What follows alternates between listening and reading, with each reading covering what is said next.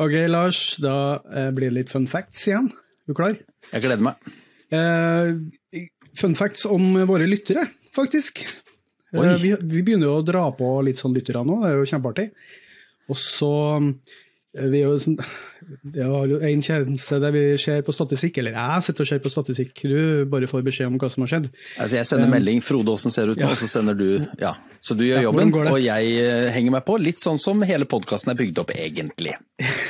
Ja. Dag og natt så får jeg melding. Hvordan går det? Um, også, men eh, jeg, har kunnet, jeg kan kikke litt på Det er ikke, alle, ikke så mange muligheter på alt mulig rart, men på Spotify da, så kan jeg se eh, hvordan det går. Og så kan jeg se hva Siden det er en musikktjeneste, egentlig, så kan jeg jo da se hva slags musikk de som hører på podkasten vår, hører på. Er ikke artig? Vil du høre? Ja, nå, jeg, hva ble hører folk på?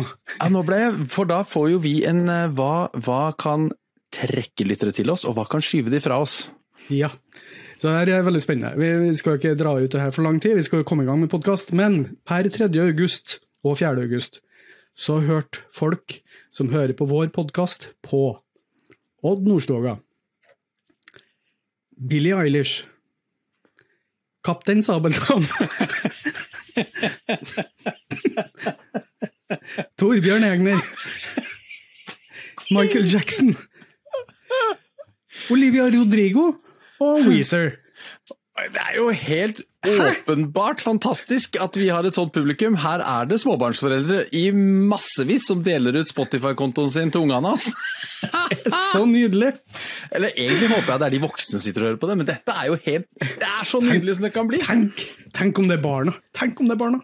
Å, ja, tenk om det er ungene som hører på oss, og som bare ja, 'Vi ser hva er det for noe? Og bare, ja, ja, ja. Island in the sun, altså. Nei, nå ble jeg glad, Frode Fossvold Gjørum. Dette, her er det rekruttering. Her er det rekruttering. Er så bra. Da kjører vi podkast.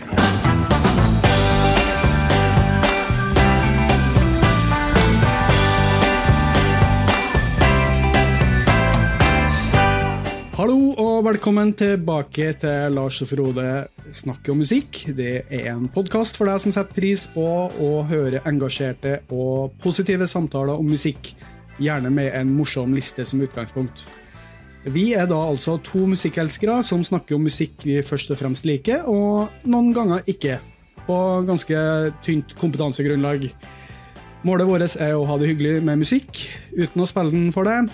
Eh, Det er altfor dyrt, det kan jeg bare love deg med en gang. Det kan vi ikke gjøre. Folk spør kan dere ikke spille litt musikk. Nei, vi er ikke NRK. Vi har ikke millioner av kroner til å, til avtale noe greier der. Eh, og så har vi jo lyst til å pirre nysgjerrigheten din, eller tyrre, da, som vi sier i podkasten her. Mitt navn er Frode Fossvold Gjørum. Jeg sitter i Trondheim på hjemmekontoret mitt. eh, Og på Sørlandet så sitter Lars Berg Holtan, og hvordan er ståa? Nå har vi ikke spilt inn podkast siden i juli en gang, og nå er vi langt ute i august. Vi har jo hatt sommerferie, og Ja. da har vi lada batteriene og lada, eh, lada podkaststemmene våre eh, til det optimale. Og min sommer har vært helt, helt strålende, men nå er det på tide på alle måter å komme seg tilbake på jobb og komme seg tilbake i podkastmanesjen. Og det har jeg gleda meg til. Jeg har gått, egentlig ikke gjort noe hele sommer, bare gleda meg til å spille en ny podkast sammen med deg, Frode. Ja, det, jeg har gått og gleda meg sånn til i dag. Nå skal vi komme i gang igjen. Eh, det her er jo blitt eh, ukas høydepunkt, bortsett fra at nå blir det jo annenhver ukes høydepunkt. Så det er liksom halvert på en måte på snitt, går det an å si det? Et slags halvt høydepunkt. Eh, Ja. ja. men, men det, er et, det, er et, det er et godt høydepunkt, og vi snakker kvalitet og ikke kvantitet, og det er viktig å huske på. Da skal vi komme i gang med dagens tema. Det er en litt annerledes episode, Lars. For eh, nå skal vi kanskje ikke mm, inspirere så mye som vi kanskje har prøvd å gjort med noen andre episoder. Vi skal jo snakke litt om hvor kommer vi fra, ut fra hvilke tre artister var vi først fans av? Og da gjerne som barn, eh, tidlig tenåra. Hvilke var vi? liksom Elska vi? Hvem har vi plakater på rommet vårt? Hvem skrev navnet til på pennalet vårt? På buksa? Jeg husker jeg skrev på buksa mi. Det var sånn vi gjorde. Eh, jeg vet ikke hvor glad mamma var for det, men eh, så, så, da blir dere kanskje litt sånn mer kjent med oss på et vis. Men jeg er ganske sikker på at du som hører på nå, du kommer til å kjenne igjen mye av det vi snakker om. Det er jeg 100 sikker på. Hva tror du? Jo, jeg tror det. Og så når vi satt og tenkte, eller jeg da, i hvert fall har sittet og tenkt litt, så slo det meg det. For det første så, så tror jeg jeg må strekke hendene i været og si at jeg kanskje har jugd i en tidligere mm. episode. Yes. Eh, at jeg, jeg, må innrømme at sånn tida rundt 1990 Eh, jeg har ikke, den er ikke helt eh, klar for meg sånn eh, akkurat hva som skjedde hvilket år. Så det er mulig når jeg har skrytt på meg at jeg begynte å høre på Pearl Jam i 92, at det kanskje var 93. Eh, altså litt mm. sånn, eh, Så der må jeg ta sjølkritikk. Eh, fordi at det jeg husker, skjønner du Frode, ja. var at vi flytta våren 1991. Da okay. flytta jeg og mammaen og pappaen min og søstera mi hjem Eh, til riktig side av fjorden i Sandefjord, til pappas barndomshjem, eller det ble bygd da han var fem år gammel. For da døde farmora mi. Eh, og før jeg flytta, så har jeg ikke fryktelig mye musikalske minner. Nei. Eh, og så husker jeg jo veldig godt at den gjengen jeg blei kjent med dit vi flytta til, jeg kjente noen av de litt fra før, de Der begynte jeg å høre mye på musikk, men jeg kan ikke huske at jeg da sporenstrekk samme høsten gikk og kjøpte meg Pearl Jam. Så det er mulig at jeg har vært litt, litt ivrig på å framme meg sjøl. som Og han var tidlig ute og hørte på det. At den, den grunchen kanskje tok meg seint 92 eller, eller, midten av 93 isteden, altså. Så det beklager jeg. Jeg legger meg helt flat. Skuffa nå. Ja, eller jeg tar en sånn Gerdli Valla-beklagelse og sier at jeg beklager dersom du ble skuffa. Eh, så jeg beklager ikke noe mer enn det. Men, men, eh, men, eh, i hvert fall, det var gøy å gå litt nedover denne memory lane. Og det var mye sånn klassefest og disko og sånn som dukka opp, og det er mye mm. ræl jeg hørte på. Men jeg har funnet fram noe som jeg likte veldig godt òg, da. Det har jeg. Men du verden så mye ræl det var på seint 80-tall og starten av 90-tallet. Det har vi jo nevnt ja. litt før òg, men ja. det, det, var mye godt. Men det var mye rart òg. Altså, det, det, er litt sånn, jeg tror befolkninga, spesielt i forhold til 80-tallet, så er befolkninga liksom delt. Ja, 80-tallet var helt forferdelig. Og det andre folk, resten sier ja, det var så mye bra. Ja. Og så er jo sannheten. Det var en, en plass midt imellom der. Eh, fordi at Sånn er det bestandig med alle tiår. Eh, men det er litt med hvilke låter husker man, og hva er det som står igjen. Altså, Klart det var mye jævlig på 80-tallet og 90-tallet òg. Men, men grev du litt eh, bakom, så var det mye bra. Og til og med blant det som var kommersielt. Absolutt. Si. absolutt. Og det, og, og det maken til sånne gode minner om, eh, om uh, smugkyssing, eller ikke smugkyssing, sånt drev vi ikke med, det var ikke sånn tornerose-kyssing. men, uh, men sånn smyge seg bak uh, på, på diskoen bak hjørnet og så flørte litt med jentene og sånn i sjette og sjuende klasse og sånn. For jeg er jo født i 1979, mm. så dette er jo da sånn 1991, da var jo jeg da tolv år når vi flytta, sant? midt i den der eh, byen å finne seg sjæl lite grann. Så det var, eh, det var, gøy å gå litt tilbake her, og så var det litt traumatisk. Eh, og så husker jeg, litt sånn som vi snakka om i siste episode, jeg på dansegulvet. og Da kom alle minnene tilbake. At jeg var ikke noe bedre å danse når jeg var tolv enn når jeg var full eh, 38-åring. Nei, jeg var ikke det. Ja, jeg fikk mye minner tilbake til eh, klassefester og sånne ting. Eh, og så, Når vi skal grave litt nå, så har jeg mistanke om at eh, du er jo folkets mann her. Du ja. er jo den utadvendte av oss, vil jeg si. Jeg var nok mer introverte typen, så kanskje vi får noe resultat på musikken nå, ut fra hvordan vi var som barn. For det former, jo, det former, jo, videre utover i voksenlivet. Det er jo interessant, det her. De formative åra. Ja, men jeg tenkte, nå skal vi gjøre det litt annerledes. Vi skal ikke, vi skal ikke ta liksom nedtelling 3, 2, 1 og sånne ting. Nå skal vi ta det liksom kronologisk, på en måte, framover.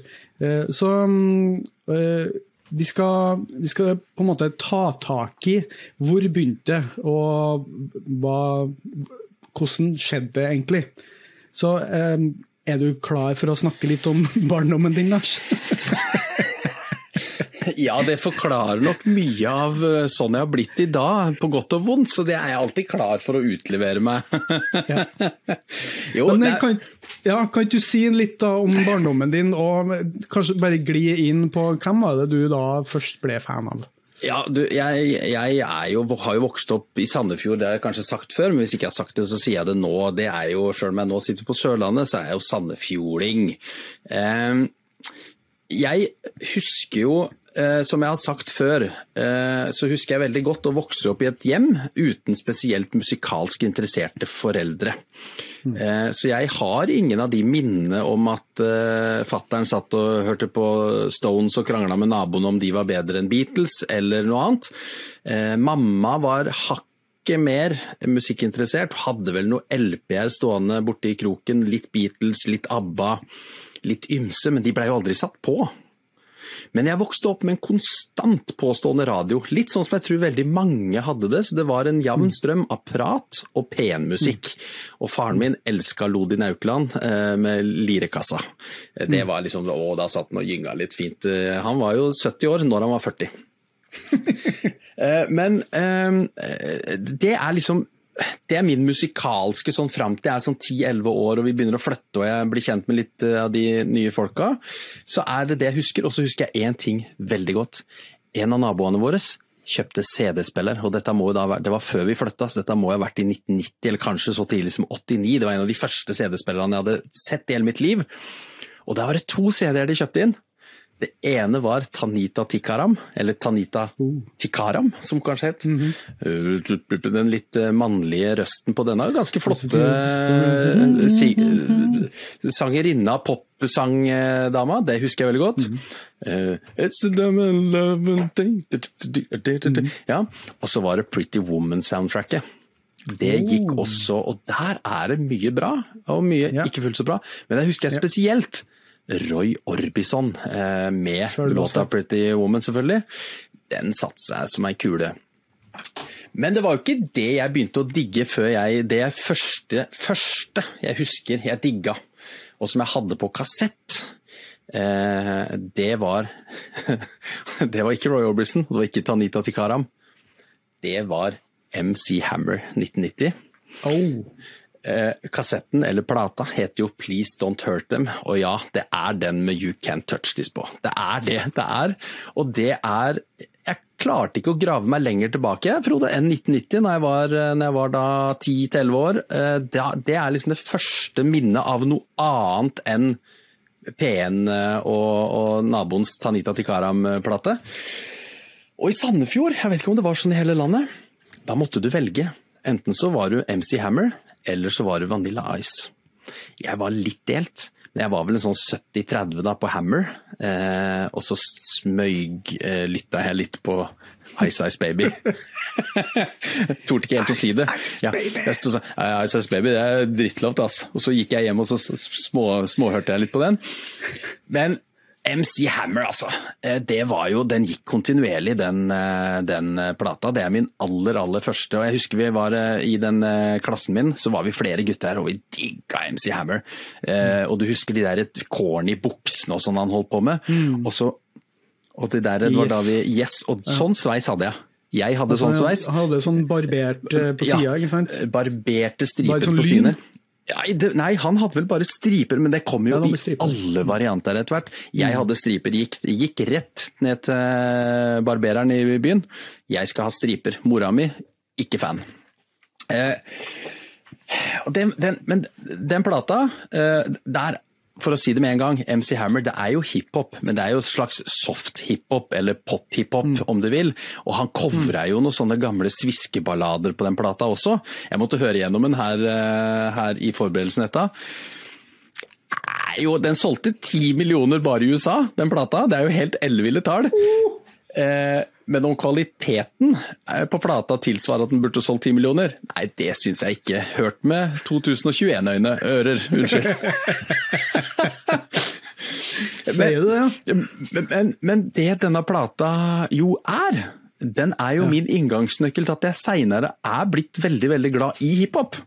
Ja. Og sjøl om slutten av 80-tallet jo er starten på den ordentlige gangsta-rappen, eh, eller midten av, til slutten av 80-tallet, så oppdaga ikke jeg den før noen år etterpå. Men MC Hammer er jo min nøkkel inn, så sånn sett så har jo MC Hammer hatt en, eh, en positiv innvirkning på min musikalske eh, interesse, kan man jo si da. Men MC Hammer, altså. Please Don't Hurt Them etter plata, og alle husker den jo som You Can't Touch This-plata. Og det er jo egentlig bare den singelen du trenger å, trenger å huske, for den er jo litt raff. Den er jo litt raff.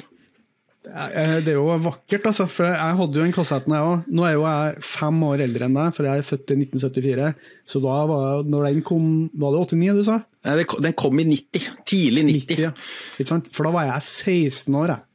Da, da, var jeg så godt som voksen. ikke sant? Eh, der ser du hvor mye alder har å si så tidlig. Mm. Men jeg husker at jeg likte MC Hammer og den låta. Men, men på den tida der, eller sånn tidlig, fra tidlige tenåra, litt sånn utover, så var jeg veldig opptatt av bass. av en grunn. Ja. Altså, liksom, bass var så viktig. Jeg skulle liksom få litt det trøkket. og du Noen ganger så fikk du høre litt bass.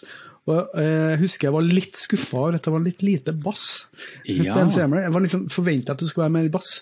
Men det var derfor jeg kunne like litt sånn, eh, altså, litt sånn hiphop og den type ting på den tida. Men så utover, utover litt etter der så kom jo en del sånne eurodance-greier. da.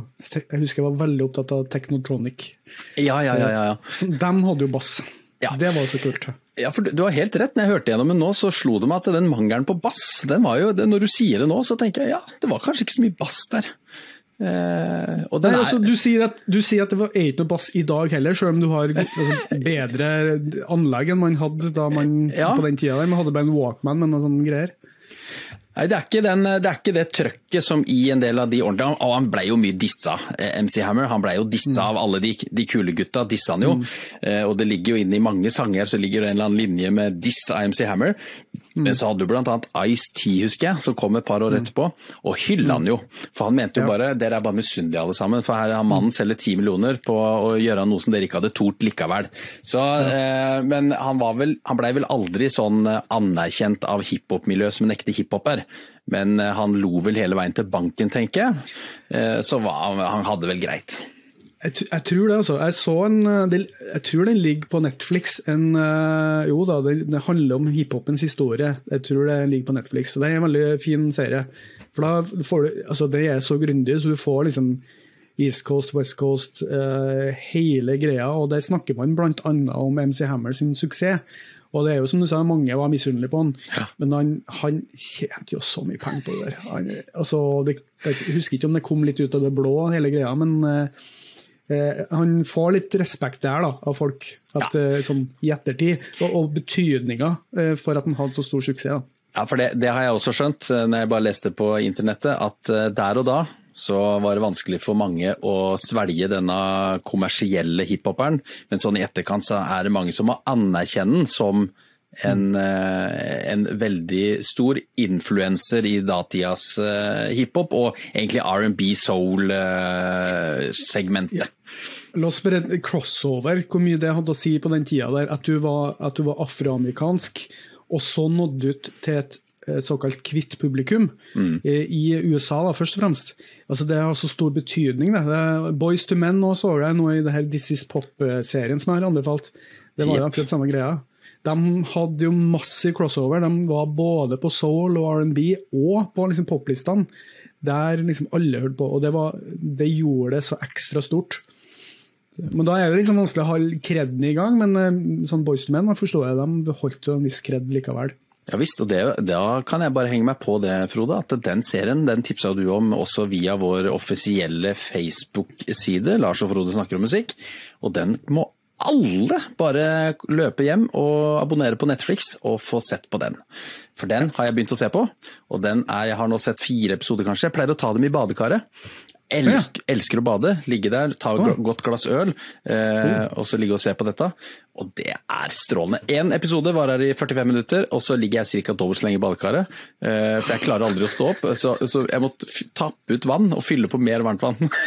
så ser det ut som en rosin når jeg går opp. Ja, men det slår meg når du snakker nå, ok, aldersforskjellen har litt å si. Ja, den, har, slår, altså. den slår nok, for forskjellen på å være 11 og 16, det er massivt. Ja, Kjempemassivt. Eh, Jeg kjente ingen som var født i 1979, når jeg gikk eh, på Når jeg var barn. Jeg kan ikke huske altså Jeg har kanskje en tremenning. Ja. Ja. Da, da får vi gå tilbake til barndommen min. da. Eh, Som sagt så er jeg født i 1974 i den namdalske bygda og kommunen Grong, altså i Nord-Trøndelag. Og jeg har jeg lover jeg skulle si noe om det, for eh, nå sitter sikkert folk eh, oppe i Grong der og lurer på han den der er jo ikke fra Grong, han snakker jo ikke Grong-dialekt.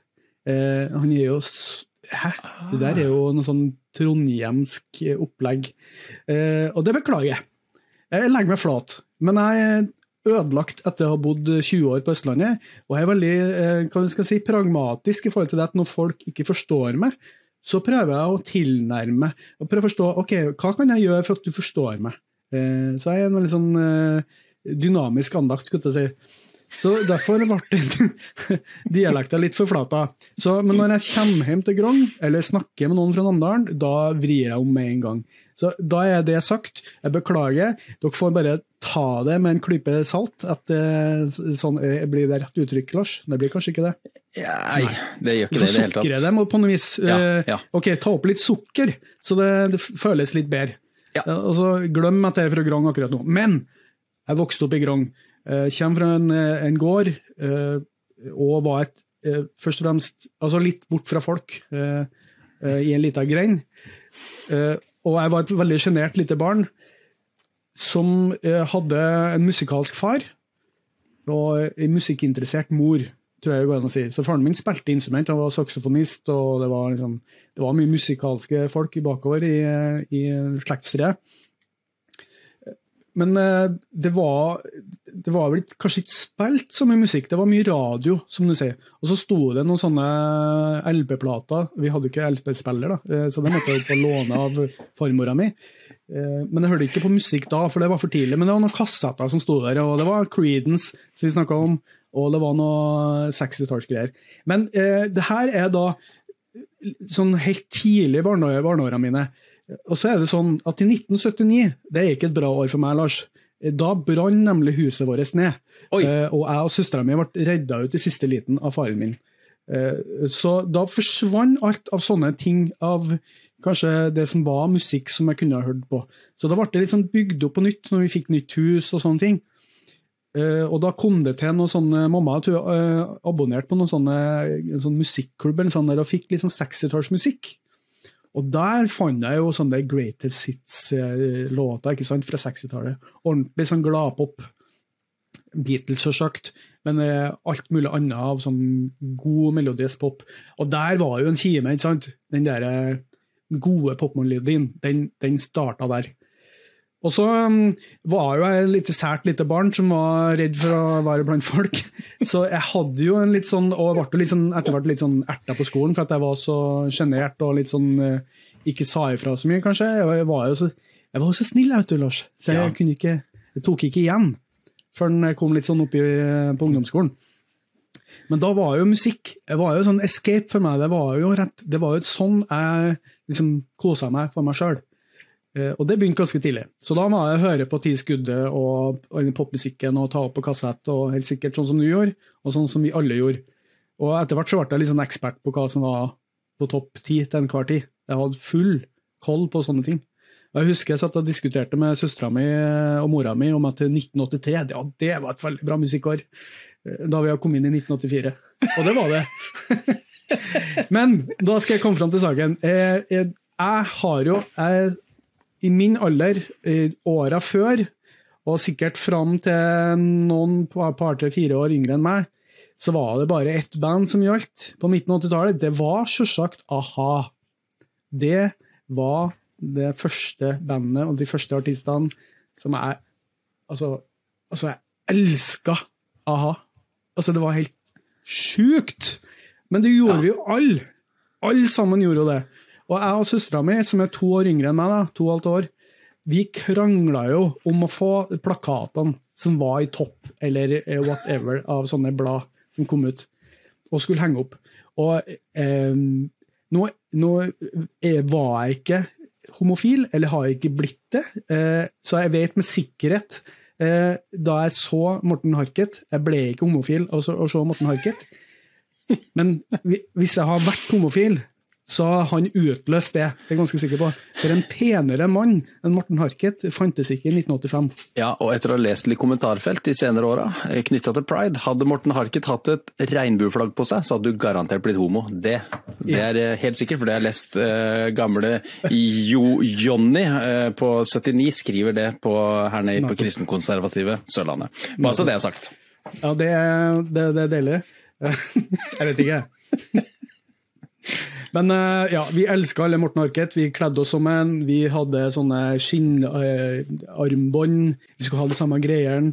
Vi klippet opp buksene våre. Uh, ja, hele greia. Det var alt fra sjuåringer til, til 20-åringer pluss, det er jeg ganske sikker på. Så da jeg hørte, men skal si, når jeg hørte Take On Me første gangen, og jeg tror faktisk jeg så den før, eller jeg hørte, musikk, jeg hørte den tidlige versjonen av Take On Me og syntes oh, det var en kul låt. Men så ble den jo ikke gitt ut på ordentlig, eller i hvert fall det ble ikke en sånn greie. Men så da kom de ned med sjølve Take On Me året etterpå, i 1985.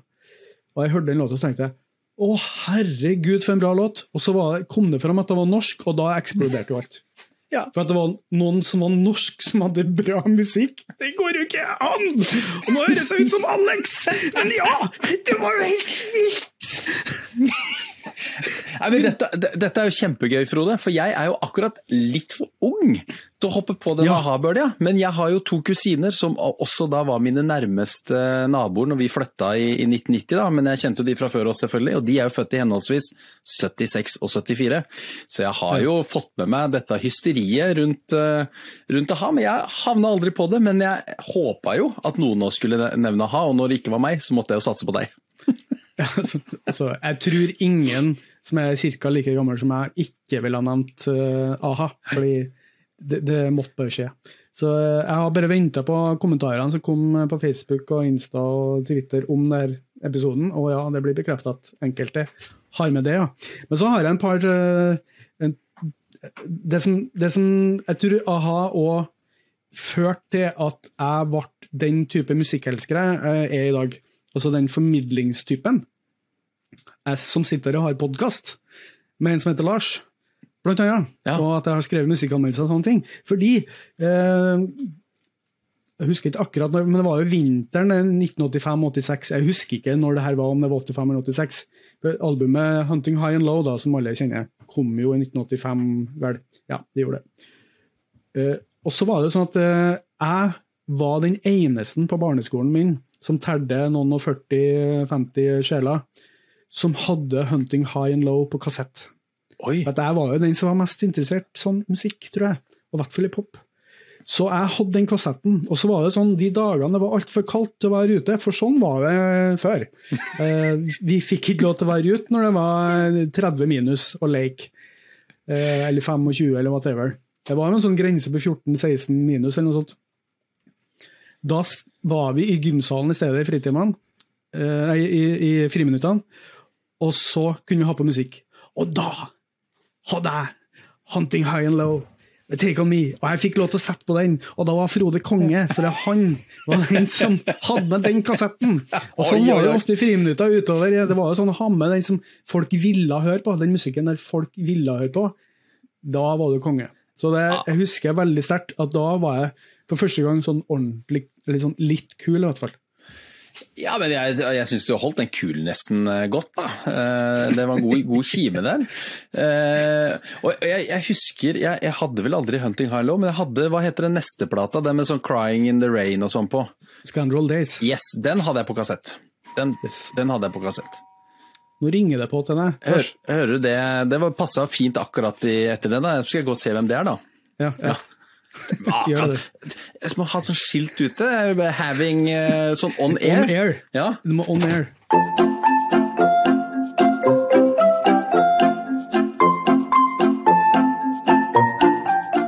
Unger, ass! Det er jo litt kult, da. ja. ja. Sånne unger som kommer og ringer på. Ja, Mathilde hjemme. Det er jo, veldig, det er jo stas, da. Ja. Um, skal bare avslutte her, da. Uh, um, Eh, nå husker jeg ikke, du, Hva siste vi sa var Jeg sa Scandrel, eller du sa det, og så sa at den hadde jeg på kassett. Og, og Scandrel Days det mm, var òg en veldig bra plate, husker jeg. Eh, Det var da tror jeg den siste eh, siste plata der jeg liksom var ordentlig med på a-ha, og så falt jeg vel litt fra etter hvert. Men jeg har en liten historie til om uh, a-ha. Bare en liten til. Ja. Um, uh, og, og ja, så var jeg jo medlem av fanklubben. Oi! Ja, det, det er jo ikke en liten detalj, det er jo en kjempedetalj! Medlem av fanklubben, og det var før internett, så du måtte være veldig aktiv, sende brev og sånn, da. Ja, det er helt fantastisk. Også, men så jeg fant jo Jeg, nå, jeg har jo helt glemt da. Jeg, skulle, jeg har jo et bilde av uh, en, um, en sånn button som jeg fikk eh, fra den klubben, som jeg fant igjen da det ble rydda hjem for eh, noen år siden. Ja, Nå har jeg rota bort den, selvsagt, så den får jeg bare legge ut på Facebook eh, når det her kommer. Men eh, det var det eneste jeg hørte fra den fanklubben. Det fra de to norske jentene som har starta fanklubb fra a-ha. Hva nå het for noe? Lisbeth og Siv eller noe sånt. Eh, og det fikk den, og det var jo så stort, det fikk den, men det fikk jo ikke mer. Så sendt, Du sendte for dem noen frimerker sånne som vi gjorde på 80-tallet, for Ja, at ja. de skulle sende deg de greiene der. det er kjempebra. det var stort. Men mange år senere, eh, ca. 12-13 år senere, så bodde jeg i Oslo. Og så hadde jeg en sånn eh, kan man kalle det hangout, en, en kafé i hvert fall, eh, som, som var, lå med rådhus, rådhuset der. Som var en sånn eh, en veldig sånn chill plass der de spilte jazz og den klassiske coffee table jazz-greia gående. Det var veldig stilig. Jeg hadde en god kaffe og satt der. Og så var jeg en, en gang jeg var der, var sikkert sammen med hun som var kjæresten min den gangen, og så, og, og, og så var det helt fullt i lokalet. Så sitter jeg med ryggen mot døra, men jeg har liksom litt på skrå bak meg. da. Og så hører jeg det går i døra, og så hører jeg at det blir helt stilt i rommet nesten. Og så, altså det er akkurat som Det sånn, kom inn en sånn lys i rommet. Det var akkurat som Jesus kom inn. Og så snur jeg meg, og der står Morten Harket med en sånn glorie rundt seg. med en sånn Oi, oi, blå, oi, oi, oi. lyseblå jakke eller noe sånt. Og jeg bare Det er Morten Harket. Og så ser han seg rundt, det er fullt, og så snur han. Og så er det akkurat som bare lyset forsvinner ut igjen, og så bare blir alt vanlig igjen. Det er sånn Jesus var liksom. Jesus Harket bare svinga innom. Det går ikke an å si at eh, Morten Harket ikke hadde noe med seg, for det hadde han. Klart, han var, men det, altså alle kunne jo ikke følge med på at, han, at det kom noen inn døra, men det var akkurat som alt bare uh, Jo, men, men i en tid vi lever i nå, der alle ungdom teller eh, altså, eh, altså det å være populær, det telles i antall likes og followers på YouTube og TikTok og Snapfuck og det- jeg aner ikke hva det heter for noe alt sammen, eh, så eh, må vi jo ikke eh, bla fryktelig langt tilbake, så hadde vi altså De var verdensstjerner. altså Aha, de var jo gigantiske. Så bare i form av den størrelsen de hadde internasjonalt, så var jo det eh, et hysteri. Altså, det var jo helt vanvittig. Eh, og, og, og, altså, de har jo holdt konserter for flere hundre tusen folk nedover i Sør-Ameriken og sånt. Og det, er jo, altså, det er jo noen tall som ikke, eh, ikke vi kan forstå oss på. Eh, vi stakkars vanlige som syns at en konsert med, med 1000 stykker på Rockefeller er stort.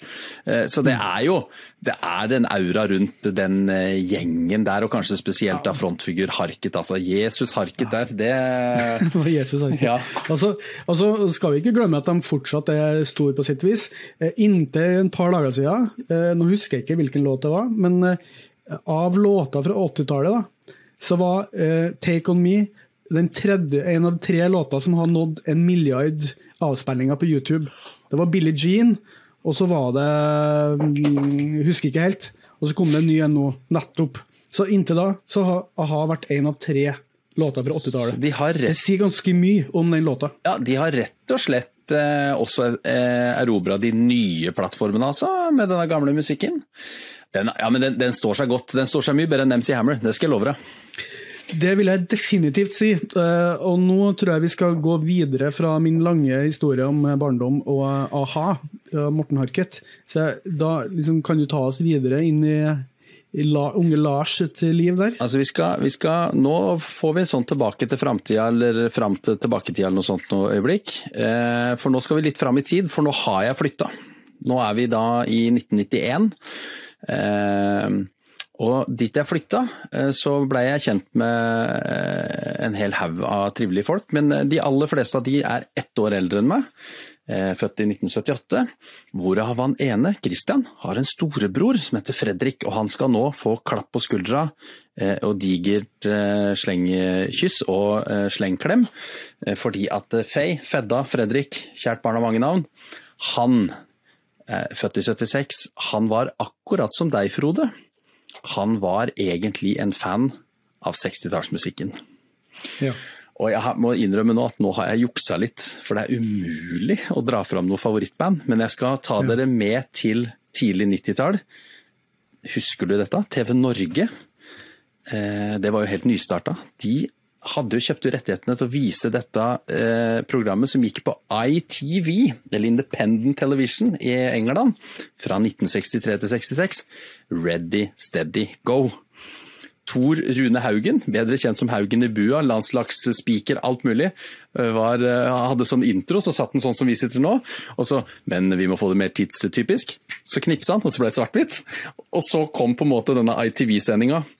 Og det var jo et ungdommelig program med 60-tallshits. eh.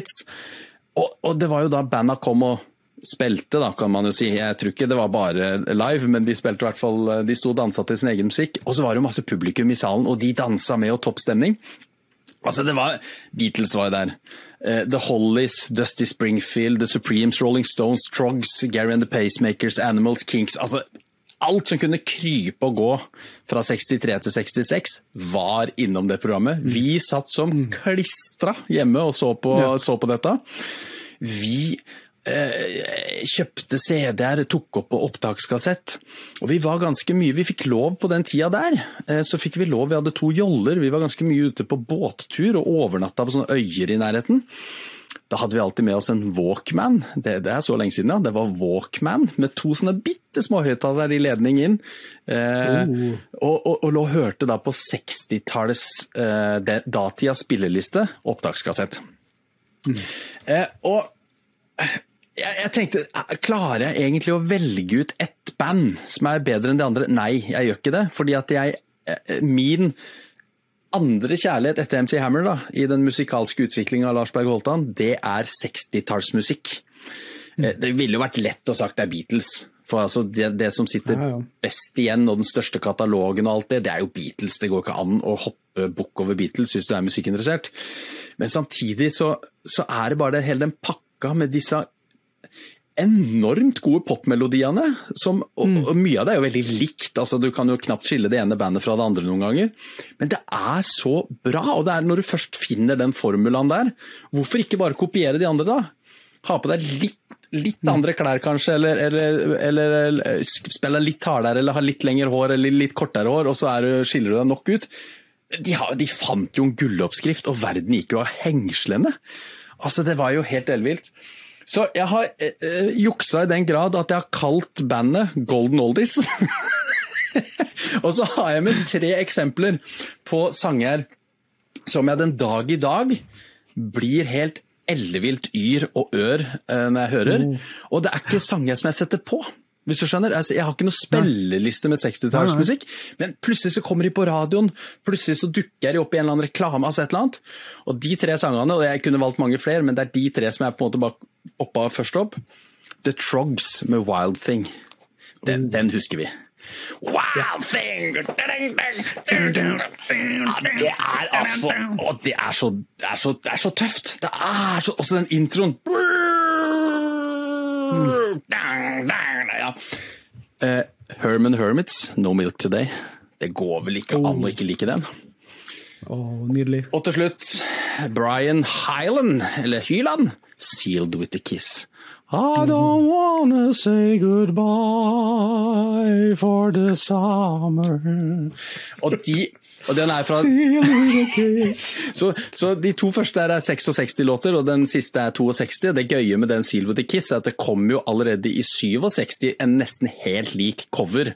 Altså Sånn holdt de jo på på 60-tallet, altså og det var jo den tida de også sang jo inn en del utenlandske sanger på norsk, og fornorska det holdt de holdt de på. Ja, ja, ja. Ute på 70-tallet. Ja, men dette her det er litt juks, jeg beklager det, men det er på en måte del to i, i the, the, Evolution of Music, Lars. Det er å flytte dit, møte Fredrik og de andre.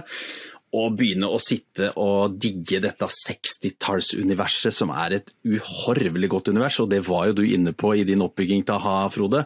Dette er jo bare pur klasse, altså. Nå, nå, ble jeg så glad, Lars. For nå, nå var det din tur til å jukse. Det var jeg glad for. at Nå har du juksa litt. Ja, for du har gjort det før. Derfor torde jeg. Ja, ja, det er herlig. Og, og, så tenker jeg at det her kunne jeg jo like godt ha snakka om meg som det første. ikke sant? Mm. Det, det jeg, og så var det så deilig, det var, så, det var grundig. Eh, du har gått gjennom årstall, og du har kikka på sanger. Og så, og så, blir jeg så glad av å høre det, for da, da, skjønner jeg litt mer for hvorfor vi har litt sånn overlappende smak. For det må jo henge sammen litt, den at man er glad i 60-tallspop ja. og de melodiene der. Og at man f.eks. liker et band som Weezer eller den type musikk. Altså, det henger jo sammen på noe vis. Ja visst, og dette er jo Jeg tror jo ganske mange i vårt jeg er kanskje av de yngre altså Det døde nok litt ut sånn utover på 80-tallet at de likte 60-tallsmusikken, denne ungdommen. Men dette, de fleste trådene i, i, musikken havner jo på et eller annet godt 60-tallsband, gjør ikke det? Jo, jeg tror det. Og så tror jeg Du sa noe der med 80-tallet. Jeg tror at veldig, veldig mange på 80-tallet hadde den tanken tilbake til For dem var jo kids gjerne og liksom yngre som har hørt på den 60-tallspopen, og, og, som kanskje, kanskje, var de barn mm. da, den, da, det skjedde. Ja. Og har veldig nært forhold til sånn type melodier. Og da tok de med seg det inn i den i, i moderne musikken på 80-tallet. Mm. Uh, og, og, og, jeg husker jo mange låter fra 80-tallet hadde jo en 60-talls-vibe. Hva med, hva med um, Tracy Ullman med 'They Don't Know', f.eks.? Ja. They don't know about us. Eller Billy Joel med den eh, godeste Uptown Girl. Det er jo en doo-wop 50s, 60-tallssang. Ja. Ta med deg det beste fra fortida, og miks det med litt uh, digg fra samtida og prøve å være litt innovativ på toppen. Det er min, mm. min oppskrift på å lage en hit. Jeg har ikke klart det ennå. Nei, eh, ingen av oss som har klart å lage en hit, Lars. Nei, men Du har lagd i hvert fall musikk, Frode. Nå må vi skryte litt av det igjen. Ja, ja, ja. ja det er greit. Uh, vi, vi herma mye, vi òg, så det, var, det, er sånn du skal gjøre det. Du skal stjele fra det beste, og så skal du prøve å gjøre din egen ting. Ja. Og så får du se hva som skjer. Ok, Nydelig. Jeg 60-tallspop der, altså. Før jeg tar min, kanskje vi skal liksom se litt på hva våre lyttere eh, har sagt at de hørte på. Det syns jeg er litt artig. Ja, det er spennende. Mm. Eh, da kan vi jo ta um, Ole Kristian, som eh, skrev til oss på Twitter, for han er ikke på Facebook. Han har blitt fan der. Han skriver at etter å ha vært svært begeistra for Kai Kiel og Ketil Stokkan Kai Kiel var vel han med Banana Airlines, vet du det? Eh, da jeg var fem-seks år, fulgte en periode uten spesielle stjerner. Men så oppdaga jeg Elvis da jeg var ni, ved en tilfeldighet, og han er fremdeles den største av alle. Ingen over, ingen ved siden. Det er jo nydelig. Kongen sjøl. Ja, ja. Vi skal, ikke, vi, skal ikke, vi skal, ikke, undergrave kongen. Selv om Jesus harket kanskje står over, så skal vi ikke undergrave kongen. det må du ikke si for høyt. ikke Han, han mente ikke egentlig, kjære lytter. um, og så har vi Jonny, som har skrevet 'Smoky', Guns N' Roses, 'Prodigy'. Uh, rett fram. Det var jo òg en utvikling, må jeg si. Smoky Guns N' Roses Prodigy, det, der har du det, er, det er, evolusjon. Det er mange tusen års evolusjon. Yes. Trøkt ned i tre ord. det er akkurat det det er. Så jepp. Og så har jeg søstera mi Grete, da, som skriver a-ha, selvsagt. Madonna, særoppgave i femte klasse. Bon Jovi, særoppgave i sjette klasse. Det stemmer det, Grete. Det stemmer det. Det var helt glemt. Og så har vi jo Finken, da, eh, som vi kjenner fra Bø. Um, han skriver bare 'første LP jeg fikk', 'Mortimer and the Pancakes'. har den fortsatt, dersom dere lurer. Musikken står seg, den altså. Den altså. Og da måtte jeg, jeg husker jo det navnet, og så måtte jeg gå inn og trykke på den YouTube-linken. og så bare, Å ja, det var de falsksyngende ungene, det, ja. Stemmer det. Ja, for jeg ser det heter Teit telttur og andre ubla-gubla-sanger, og da tenkte jeg Jeg har ikke, jeg har ikke tort å klikke på den, jeg tenkte det var virus, jeg. ja, det så litt sånn ut. Teit telttur og andre ubla-gubla-sanger. Men jeg husker det nå. Det var, jeg, husker, jeg husker det kom på radioen, så tenkte jeg hva i er det her for noe? For da var jeg litt eldre. Og så har vi en par på Instagram. Vi har eh, kickstarta Instagrammen vår nå, så både Twitter og Instagram kan dere finne, finne oss. Altså, Lars og Frode. nå er vi så til stede på alle plattformer. Har du, har, har du noe TikTok, eh, Frode? Skal vi begynne med sånn, bli sånn influencers på TikTok? Jeg har ikke det, jeg heller. Jeg, jeg, har, øh, jeg, jeg tror jeg er for gammel til det, rett og slett. Jeg kan ikke begynne med TikTok nå. Nei, men da er vi på Eh, Tweet og Instag og Facebook. Det er moderne nok for to menn over 40, altså. Mer enn moderne nok, tror jeg. Og så får vi se om jeg klarer å opprettholde noe fortsatt statusoppdateringer der. Men eh, da skriver Lasse77, Black Sabbath, Knutsen og Ludvigsen og Saxon. Det må jeg si, det er en god eklektisk runde, det òg. Og så har vi Mats Mett, som skriver Scorpions. Ja, og det, Ja. Dette er jo både Lazze, 77, og Mats Mett. Det er jo sandefjordinger. Det er gode folk. Er du fra Sandefjord, så er du god fyr. Jeg så, jeg så at det var noen Sandefjords-connections der, ja. Ehm, ok, får jeg ta videre? da? Jeg kjenner jo at dette er en helt annerledes episode enn det vi har gjort før. Så kjære lytter, hvis du syns dette er litt rart, så er det her litt eh, utenom det vi bruker å gjøre til vanlig. merke der. Hva tenker du, Lars? Jo, eh, helt annerledes. Samtidig er jeg jo glad for at vi gjør ting annerledes fra gang til gang. Det ville vært veldig kjedelig å ha nøyaktig samme episoden eh, gående Gang på en på gang slags på gang. repeat. Nei, ja, men, men jeg er helt enig med deg, Men det var gøy. Det er artig, Ja, artig, artig, artig variant. Da skal jeg gå over på nummer to, eh, eller den neste artisten som jeg ble fan av. Og jeg synes jo, jeg må jo si, jeg trodde det her skulle bli ganske grei skuring, sånn som vi har hatt tenkt noen ganger. Og så, og så ble det så vanskelig, fordi eh, det, det går jo så fort når det er sånn barn og ungdom. Du bytter jo så fort. Det er liksom ene dagen så er det det, og neste dag så er det noe annet. Du, ikke den, du har ikke den lojaliteten på et vis, for du er jo i utvikling. Men det jeg husker veldig godt, da, som en av dem som jeg virkelig var fan av, og som jeg tenker tilbake på og har minner til, det var et år senere, i 86, da jeg har blitt tolv år. Og Da husker jeg at jeg og søstera mi var med min mor til byen. Og byen når vi er fra Grang, det er Namsos. Å, ja vel. Ja vel. Ja, ja. Da kjørte vi de, de, de fire mila til Namsos. Det her har vi jo snakka om før i kjørelåter. Hvor fort går det å kjøre til Namsos? Ja, og da sa du at det kom an på låta. Og gjerne sjåføren. Jeg kan si at mamma ikke kjørte så fort, da. Men da skulle vi, vi skulle handle noe greier. Og så har vi, både jeg og søstera mi, vi skulle kjøpe oss hver vår kassett uh, med noe musikk. Og jeg, jeg visste hva jeg skulle ha, eh, som jeg snart kommer tilbake til. Søstera mi hun skulle ha uh, Like a Virgin med Madonna. Hun, skulle, hun var fan da, ikke sant? Skrev særoppgave. Men jeg skulle ha TNT med Nights of the New Thunder. Oi, oi, oi, oi, oi. For da har vi levela opp eh, et hakk eller to. Ja. Eh, og det var jo den låta eh, som eh, der eh, Kings of Seven Seas, eller Seven Seas, var på. Kings of Seven Seas, stay away, we are rules of the ocean. Ja.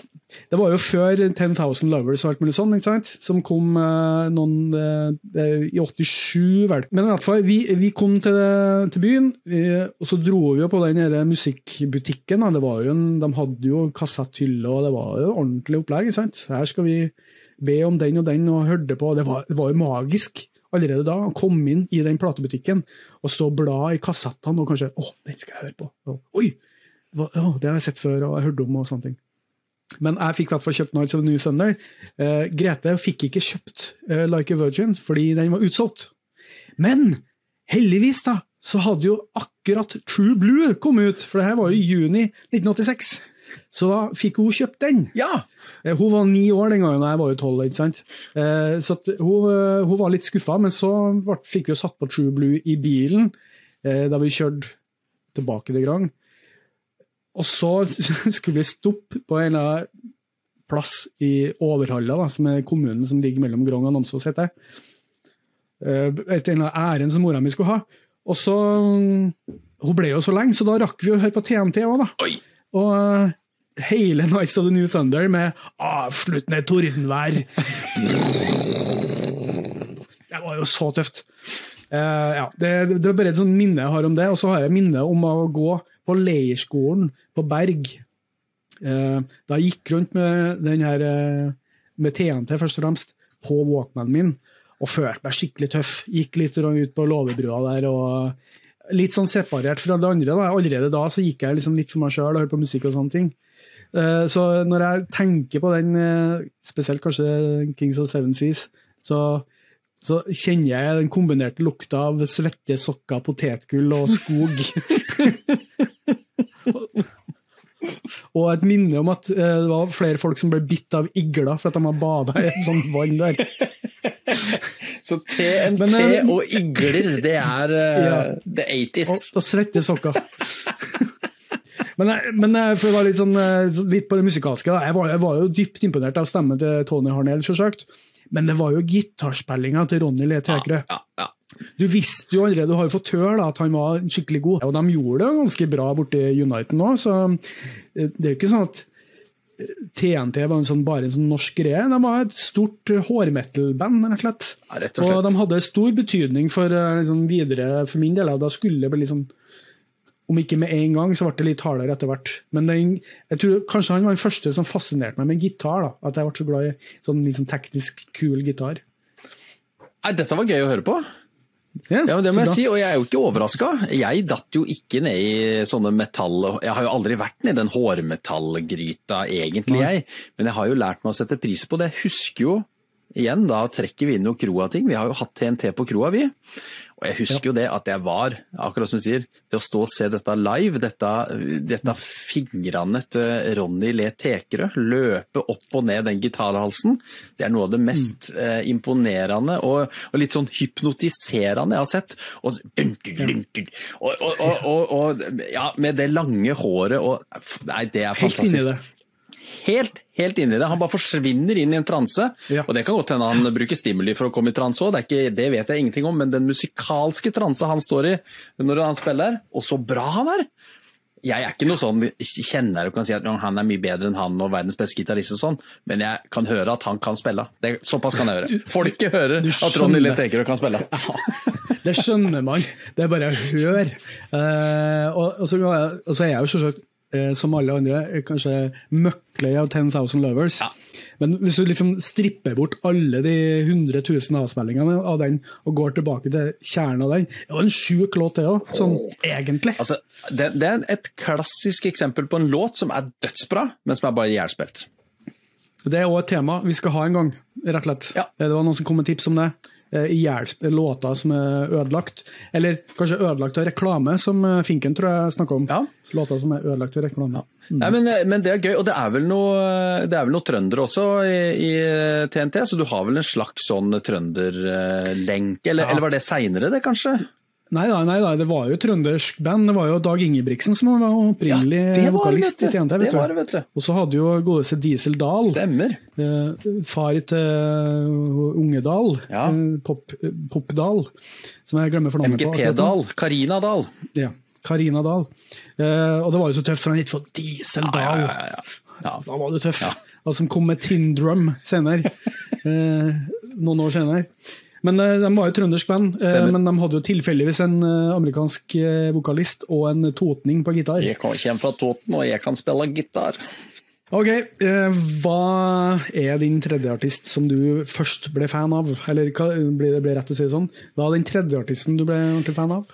Neste steg på evolusjonen av Musikk-Lars, har jeg valgt Takk. å kalle det. Og igjen, vi er i 2,93. Jeg kan ikke, altså Nå har vi vært gjennom MC Hammer 1990, så flytta jeg, eh, møtte Golden Oldies.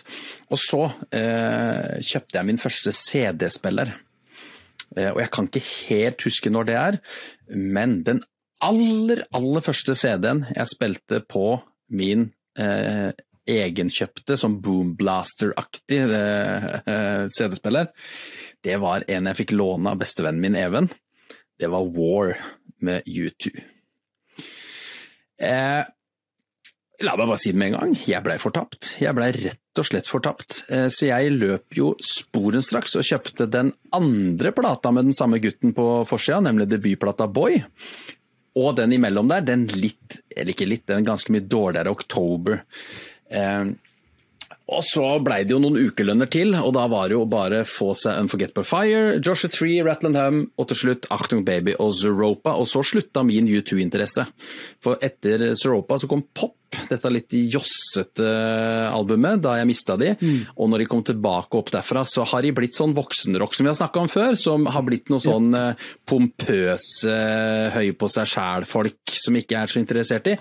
Men tidlig U2 Boy, October, War, Unforgettable Fire, Joshua Tree, men kanskje spesielt for meg Boy of War. Makan, altså! Der har du et Ja, hva skal jeg si? Der har du den Du har jo Du hører jo at det er U2. Det er jo helt klokkeklart U2. De har vært tro til seg sjøl, med unntak av pop og litt sånn ymse. De har vært tro til seg sjøl, eh, men de har bare produsert seg opp, kan du si. For på 80-tallet, ja. dette er jo 1980 Boy kom, og så er det vel 3-84 som War kom, da, så jeg hørte jo ikke de før de var 10-12 år gamle, selvfølgelig. Men det anslaget på eh, Boy-plata, I Will Follow, heter jo åpningslåta. Altså Det er rett inn i det kanskje mest ikoniske gitarlyden, eller mest gjenkjennelige gitarsoundet som fins. Altså The Edge er bare rett på med den gitarspillinga han eneste han kan. Men det er bare Snakk om anslag på en karriere. Eh, hei, vi er U2.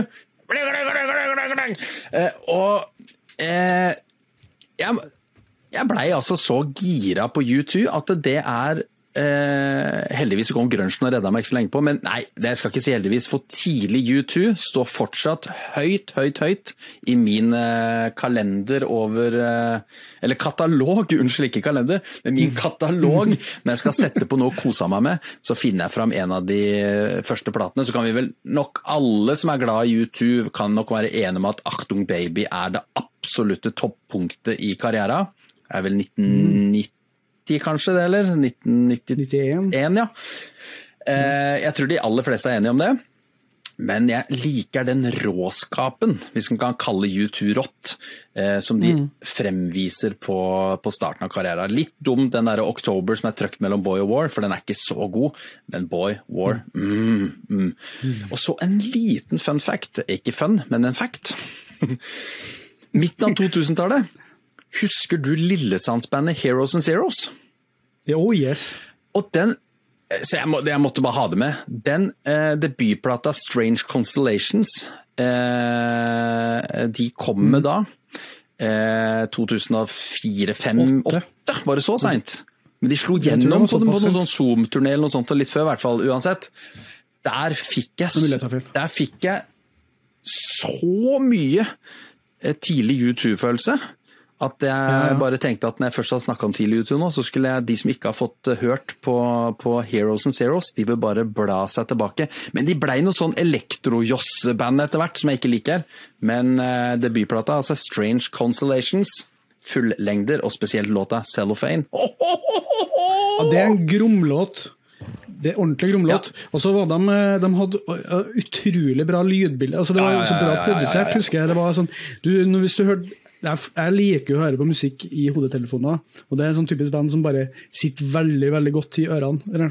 Så, sånn tight. Så det var lit, en liten avsporing, men en slags sånn eh, eh, 2007 kom eh, Strange Constellations. Yes, eh, men bandet kom sikkert et par år før, for jeg er ganske sikker på at de kom med noe EP, og så var de vant noe sånn Urørt eller ja. Zoom-turné eller et eller annet som de var på. Ja, de var på Zoom-turné yes. i 2006, Stemmer. og da kom EP-en Circles. Oh, yeah, yeah, yeah, yeah. Men uansett, det var jo ikke de jeg prata om egentlig, men jeg bare tenkte at hvis det Nei. sitter noen der ute og tenker ja, ja, tidlig U2, ja, det er jo veldig bra, da må dere bare inn og høre på dette, for det er en del av de samme tingene. Han synger ganske likt, og det er noe med den musikken som treffer den samme nerva, bare at den Du hører jo selvfølgelig at den er 25 år nyere. Men ja. tidlig U2, altså. Det var steg tre, og det var vel omtrent da brytninga kom inn mot at grunchen kom, Metallica kom, mm. eh, og, og, mm. og, det begynte å gå videre. Men der hadde du fra MC Hammer via Golden Oldies til tidlig U2. Jeg føler at uh, du har en bedre ark der enn uh, jeg har. Men det, er nydelig. Altså, jeg, har jo, jeg, må jo, jeg må jo innrømme en gang jeg har jo aldri vært en stor U2-fan, men jeg tror jeg, jeg kom bare inn litt sånn sein, på en måte. Men jeg er helt hvis jeg skal høre U2, så er det definitivt de der første platene. Ja. Den lyden de hadde da, og den der The Edge-gitaren, eller wailinga, ja. som er helt unik. som Han, han laga en helt ny sjanger for gitarer, han føler jeg. Mm. Eh, det var veldig mange som herma til dem, for å si det sånn. Ja. Eh, jeg har, har nevnt at uh, The Cult hadde litt sånn uh, herma litt. Stemmer. Eh, på hvert fall eh, de tidlige platene. Og det tror jeg mange gjorde. Hva heter den der Jeg glemmer bestandig hva heter det. Don't you Simple Minds. Det føler jeg er litt sånn wannabe U2 på et vis. Ja, de, og, og bare for å gjenta meg sjøl, altså. Det, det, er akkurat som U2 eh, i pompøsitet eh, dagens U2, bare at det er strippa ned og eh, rett på poenget og deilig, enkelt lydbilde. Fire unge karer, 19-20 år når de debuterer, som er tøyte og gode, og bare kliner til. Og politisk engasjert, og med, med en slags grunnlag for å faktisk være det. Og det som jeg tror jeg har lest om det før, eller etter hvert snakka om, det her, det her er jo før ironien. Så den, Det var ikke ironi på den tida der, så da kunne de være sånn. Men nå kan du ikke være sånn engasjert, og du kan jo ikke være Bono lenger. Altså, han er sikkert en douche i dag, alt jeg vet. Eh, han blir jo framstilt sånn, i hvert fall. Eh, Pga. hvordan han er, snakker og han er opptatt av å være styrtrik fyr som eh, liksom, skal engasjere seg i ting. Men, men jo, han er jo oppvokst med at sånn var det. Du var engasjert i en ting. Sånn var jo mye av punken òg. Ehm, og hardcoren. At det, var, det hadde annet, i hvert fall en sånn fuck authority-greie gående. Og i Irland og i Nord-Irland så var jo her en greie. Ja, ja, ja. Alle husker jo 'Sunday Bloody Sunday'-låta, som jo er direkte ja. på det der. Og, ja, ja. og, det er klart, som du sier Frode, det er jo lett å stemple som douche i dag. Da. Du er god for noen milliarder, og så flyr du privatfly rundt i verden for å redde verden på en måte. Du, du, og dobbelt moralisering, ja, ja, ja, liksom. Men, men, eh, samtidig så må en jo anerkjenne at det, det er nok som du sier, det ligger jo bare et glødende engasjement i bånn der, men nå har han råd til å kjøre privatfly istedenfor å sitte på annen offentlig transport og få covid og sutre og bli svett og bruke fire døgn på en reise som han kan ta på fire timer. Ikke sant? Han tar ikke en Greta Thunberg han og sitter på en båt over Atlanteren for å få budskapet sitt fram. Det gidder han ikke. Nei, det gidder Han ikke. Han tar privatflyet. Ja, ja, hadde gjort det sjøl. Jeg hadde gjort det sjøl. Ja, det, det, skal jeg ikke si noen ting om. Jeg tør ikke å si hva jeg ville gjort. Ok, Da er det min tur. Um, og jeg må innrømme at sånn fram til vi skulle uh, spille inn her, så var jeg ikke helt sikker på hva jeg skulle ha med. fordi uh, ja, det, det skled litt sånn Det ble så mye som tok over eh, etter det TNT-styret. Jeg, jeg, vet egentlig ikke hva jeg hørte så mye Jeg tror ikke jeg hørte på én spesiell ting jeg var sånn superfan av nå, inntil jeg da var eh, 17 år. Og da har, vi, da har vi tatt et godt sprang da, fra 12, 13 til 17. Og da, da er vi på det bandet som jeg har nevnt så vidt før, og det er et band som absolutt aldri har vært spesielt stor i Norge, men som var det største bandet i USA i mange, mange år. Eh, på slutten av 70-tallet og utover 80-tallet. Og de har jo én veldig kjent hit eh, over hele verden, som er Jump, og da snakker jeg selvsagt om Van Halen. Eller Fan Halen, som eh, vi òg sier i, i Europa. Ja. Eller Van Helen. Van Helen. De er fra Nederland, vet du. Van Helen. Altså, og det er de jo faktisk, de brødrene. Er, det er jo et nederlandsk navn. Ja. Så de, de jo, kom jo til um, USA som, uh, som barn. Jeg kan, jeg kan jo snakke en evighet om Van Halen, men jeg må gå tilbake da, til hvordan jeg oppdaga det her. Jeg skal ikke ta alt om Van Halen, ta det med ro. Men uh, jeg var jo sånn på utkikk etter musikk å bli hekta på, på en måte. Uh, og jeg har snakka om denne platebutikken som vi hadde i Grong i noen få år der. Eh, og så var det Jeg er ikke sikker på hvordan jeg jeg tror jeg må ha lest, jeg begynte å lese Metal Hammer på den tida, og da, nå snakker vi 1991. da, ikke sant?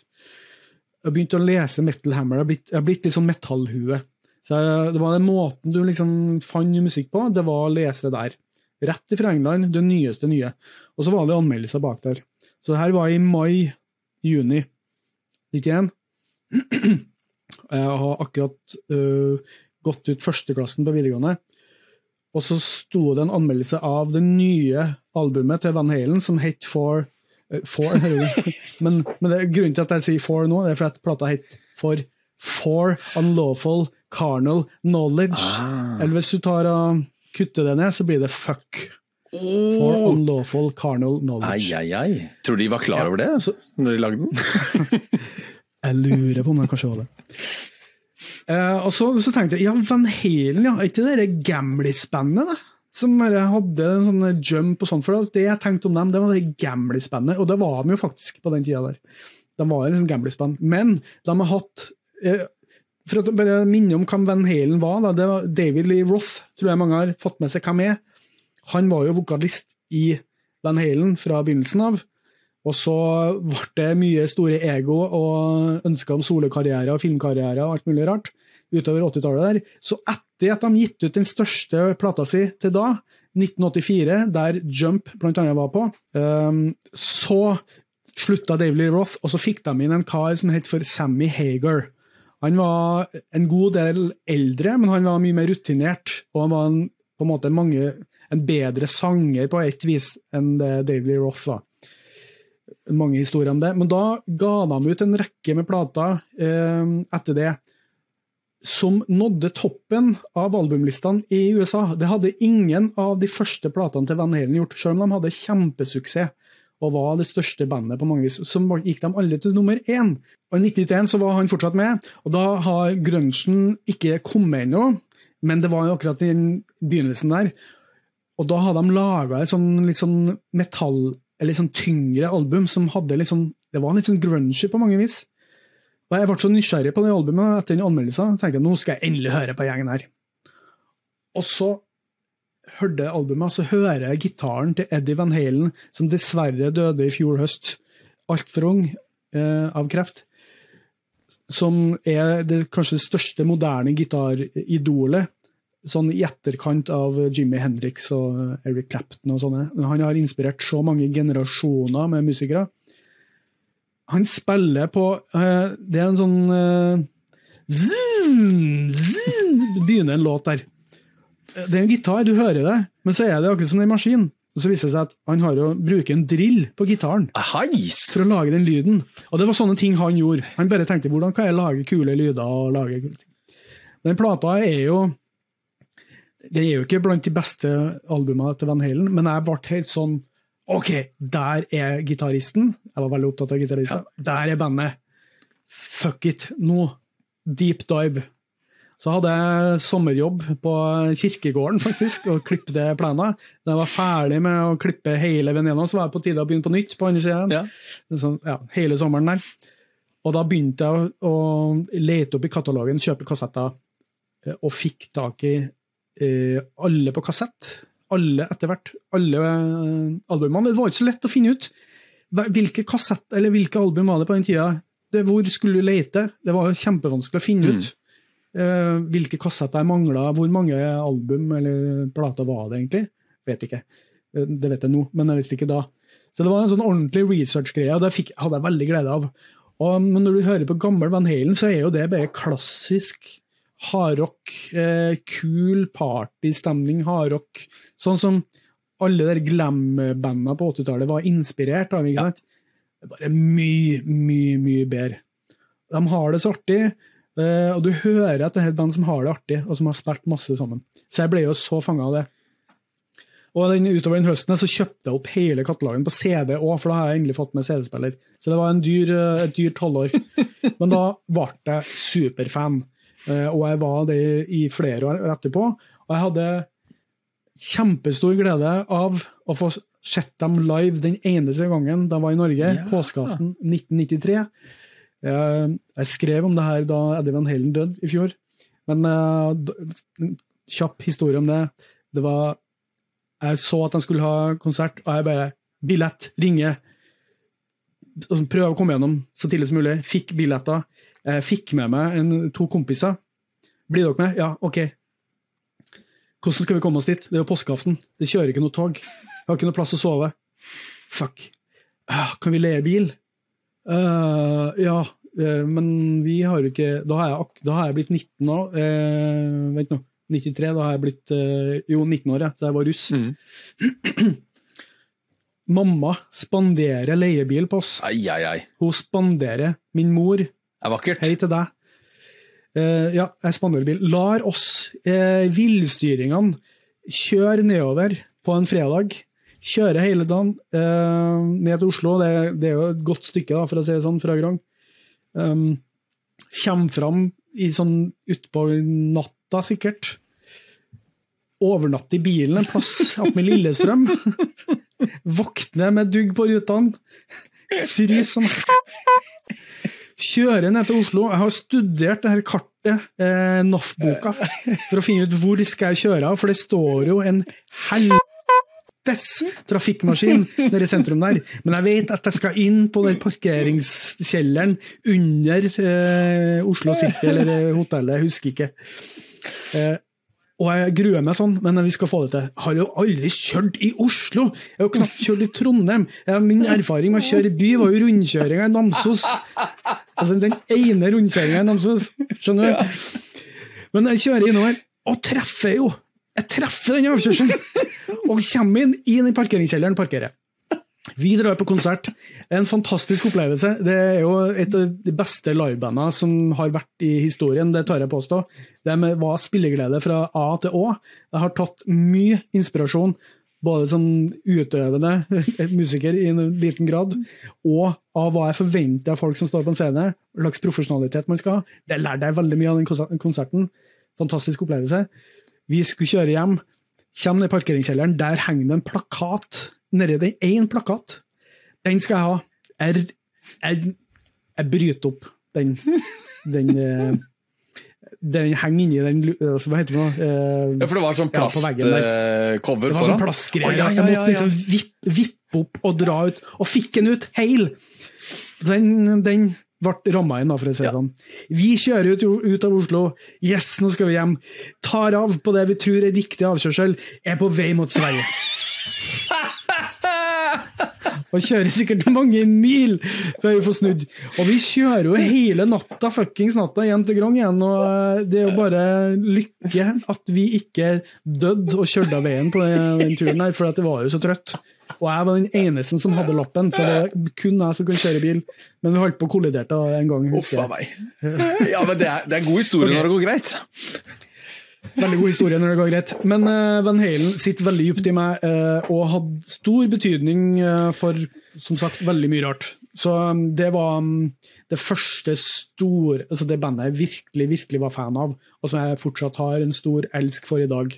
Um, ja, det var det var en lang historie. Ja, jeg må bare si, for dynamikken og spennet i denne podkasten, så er det fryktelig greit at det skiller de, ikke veldig mange, men de få åra mellom oss. For dette kunne jo blitt en hårrock-puddelrock-spesial, omtrent, hvis, hvis, begge hadde vært deg. Um, uh, fordi at Jeg tenkte på det, bare for å skyte inn det. For, for, jeg er litt spent på, for du sa det, den der evolusjonen eller den der tidslinja på når, når, Den er også veldig rotete. For det er jo ikke sånn at jeg satt mm. først bare og hørte på MC Hammer, eh, og så begynte jeg, og så hørte jeg bare på Golden Oldies, og så ikke sant? Det er jo masse er jo, Du får jo alle de inntrykka fra Ti skuddet, og det kommer elektrodans, og det kommer uh, Hardrocken er jo der, og så, og så kommer disse. Så jeg har skrevet en sånn liten bare sånn Jeg tror egentlig at den der tida fra kanskje spesielt 91 til 94, det er en sånn ketsjup-effekt i min musikalske Da kom alt på en gang. Eh, og da eh, hadde vi hatt topp fem i dag, så hadde nok både Neil Young og grunchen eh, nok glidd inn her. og det kom, Men det kom, kom jo hamrende på der i 92, 93, 94. Så kom alt. Eh, og, og, så var man jo litt smal, og så vier man seg ut etter hvert, som vi har snakket om tidligere også. Men eh, dette er jo veldig gøy å høre på. Jeg ble jo ikke overraska over dine valg, at TNT og Van Halen eh, havna her. Men det kunne jo vært mye av det andre. For som du sier, Frode, du er litt beskjeden. Eh, men som utøvende musiker så hører jeg jo, eh, og det er jo både et applaus til deg og dine bandkollegaer i Rebolt, jeg hører jo mye av den musikken du nå sitter og prater om som, eh, som dine store helter. Jeg hører jo at det skinner gjennom når dere står på scenen nå, altså. Så er det sagt. Jo, det, og definitivt hos de, eh, par av de andre som var eh, kanskje på en måte litt mer stuck i det enn hva jeg var da vi starta band i 2004 og holdt på noen få år der. Så var jo de veldig opptatt av eh, den type musikk. Ekstremt, vil jeg si. Eh, og da har jeg på en måte tatt innover meg mer. Men eh, det er jo i kjernen av hvem jeg er. Det er jo eh, Der er det jo. Ja, ja, ja, ja, ja. Nei, og det er gøy, og det er gøy, og det er bra, og det er øh, Det er, som jeg sa, godt for podkasten at vi er litt forskjellige, sjøl om vi har en del felles treffpunkter underveis. Ja, og så vet vi at nå blir det jo ikke nå er det ikke, vet ikke om det er så mange hårmetal og Eller jeg kan ikke kalle Van Halen for hårmetal, det er han ikke, og TNT heller ikke. Det er ikke rett, rettferdig. Men den type musikk, da, det, jo, det, kommer an på om vi skal ta for oss året 1985 eller noe sånt igjen, men det er kanskje ikke så aktuelt for deg, for du, du var ikke så til stede i musikken i 1985? Det, blir vel tidlig, altså. Det blir vel tidlig. Ja. Ja. Men, eh, men, vi klart, Du kan jo ha hørt på, du kan jo ha hørt på album i senere tid som er fra 1985? Selvfølgelig. U2, tidlig U2 er jo, U2. Er jo fra ja. fødselsåret mitt pluss én. Jeg hørte jo ikke på det da jeg var ett år, men jeg plukka det opp da jeg var 12-13. sånn at den går jo tilbake igjen. Og jeg satt jo ikke og hørte på Golden Oldies eh, i, i live. Jeg valgte å vente, vente 30 år til jeg satte de på. Nydelig. Og så var jeg litt sånn eh, Jeg fikk jo liksom ikke gått gjennom liksom alt av det småtteriet og opptakskassetter og sånne mm. ting. For det ligger jo Jeg har jo fortsatt ikke klart å ta med meg det hjemmefra. Fra mitt opphav. Nei. Så det ligger jo der i et skap og sture. Så jeg fikk liksom ikke ordentlig gått gjennom. Å ja, det stemmer, ja. det! Så vi har sikkert gått glipp av noe, gått glipp av noe her. Ja, altså jeg husker jo mye jeg hørte på som jeg ikke ble fan av, men det er mye kassett der hjemme som jeg eh, er glad for at jeg ikke har tatt med meg. Er det lov å si det? Right Said Fred. Eh, den kassetten hadde jeg, den var jeg veldig glad i. Ah, ja, ja, ja. Den kom vel i sånn eh, 92 eller noe sånt kanskje. Så det, det, er mye som er greit at går på historiens skraphaug også, tenker jeg da. Ja, jeg har jo jeg har noen greier bak i arkivskapet mitt her som jeg ikke er så stolt over òg. Så det um, Too unlimited. Så det Men vi, vi, har, vi, kan jo love folket, og det har vi fått tips om òg, eh, Guilty Pleasures. Og skal vi, da skal vi rote litt i ja, dette. For det er Vi skal ikke sitte på vår høye hest og late som at og vi har bare så kul musikksmak, for vi har, eh, vi har noen lik i skuffen og skapet og i, i kaffeboksen. Og så har vi ikke fasiten da, som vi må nevne gang på gang på gang. Det er ikke noe fasit her. Ingen. Nei, og hør på den musikken du syns er god. Det er ikke noe mer verre enn det. Eh, men jeg, nå kom jeg på at jeg, jeg, hørte, jeg var veldig glad i Nick Kershaw eh, sånn på, rundt, og Bryan Adams eh, rundt 83. Ja, ja. Det var så bra. Det, det, husker jeg veldig godt. Og Bryan Adams han var jo heit også godt utover 90-tallet med, med på ti skuddet. Men det, men da ble det jo balladestyr. Ah, ja, da var det ballade Adams. Vi, vi, snakker jo rocke-Bryan Adams eh, på Reckless 1984. Han, han bytta vel navn han, fra Bryan til Ballade en eller annen gang der rundt 1990. ballade Adams, ja. Og nei, kommer Ballade Adams igjen. Ja, ok, men da, da, da, tror jeg vi må avslutte straks, for nå har vi snakka oss varm på det her. Ja. Vi håper du som lytter har satt pris på den litt sånn annerledes episoden vi har hatt i dag. Neste gang blir det nok mer standard liste, tenker jeg, så at vi opprettholder en viss sånn samme greia. Så tar vi noen sånne avstikkere andre ganger. Så kan jeg at vi tar noen nye liksom off Eh, av sendingen. Ja, og vi har jo fått mange mange gode tips, i tillegg til det vi har eh, skrevet opp på lista vår sjøl, over hva vi bør prate om. Men vi tar jo selvfølgelig imot enda mer, og vi tar imot da, som vi nevnte i stad, Twitter, eh, Facebook, Instagram. Bare send det til oss, enten på persmelding hvis det er litt flaut å ta det, ta det offentlig, eller en kommentar. like oss og klikk og hold på. Vi er så glad og stolt jeg, og litt rørt over alle de tilbakemeldingene. Det må jeg, bare jeg må si tusen takk ja. for at dere gidder å sitte der hjemme og høre på oss. For det eh, er altså så stas at vi to som bare skal sitte her og ha det gøy og trivelig, at det faktisk folk der ute syns det er gøy og trivelig, det er ellevilt. Ja. Eh, det er så gøy, det. At det har jeg egentlig ikke ord for, så det sa du veldig godt. Ja. Nå pleier vi å ha ukas tips uh, i denne delen av, av episodene. Men siden vi skal ha Eh, publisering av eh, de store altså av episodene våre annenhver fredag, hovedsakelig i oddetallsuka, så har vi tenkt å skille ut ukas tips. Sånn at den kommer på den der tomme fredagen imellom. Så da får du en litt noe å glede deg til fredagen likevel. Ja. Så det Det er, ja, det er kjempesmart. Det er jo, det er jo og, og, vi, vi Det var din idé. Ja, det var min idé. Det er derfor jeg syns det er så smart. Ja, derfor, nettopp. For det, og, og, det er at da leverer vi på en måte noe hver uke likevel. Eh, samtidig så, så, gjør jo det at det ikke ukas tips drukner på slutten av en episode der vi jo egentlig allerede har tipsa om enten en topp ti eller topp seks, pluss bobler der! Så har, folk har ikke har fått noe annet enn tips i halvannen time, og så skal de få tips mm. på toppen av tipset! Så nå kommer det tipset ja. enda litt mer fram. Det var tanken, da. Ja, og så kanskje får vi fokusert på noen artister som ikke er så kjent fortsatt òg. Ja. Så eh, det er jo det liksom er målet. Kanskje blir det litt sånn ekstra mye norsk òg. Jeg vet ikke. Vi skal ikke sette noe sånn mal på det. Eh, og så en par ting til slutt. I episoden om 2000 eh, så snakka jeg om et band som heter for Karate, og en sang som heter for This Day Next Year. Eh, og da, da vi snakka da, da vi spilte inn den episoden, så lå ikke det her bandet ute nesten på strømmetjeneste i det hele tatt, og ikke den plata her eh, fra 2000. Men voilà!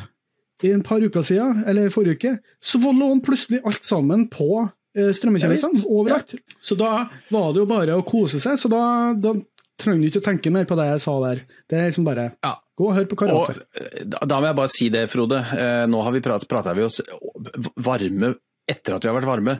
Men men når vi skal begynne å bli så store og høye på oss sjøl at vi skal lage sånn metaepisode, hvilke av Frodes tips syns du er best, Lars?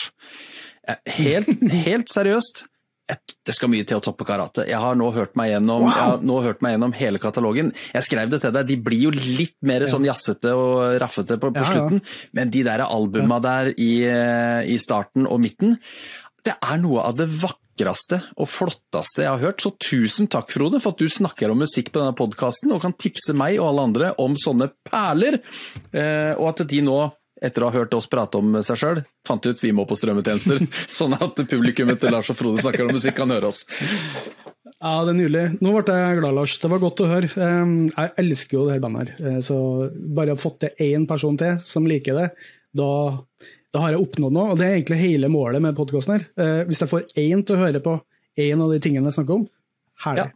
Da har jeg fått det. Eh, og så bare en, en, siste oppfordring til deg, og en utfordring til deg som hører på.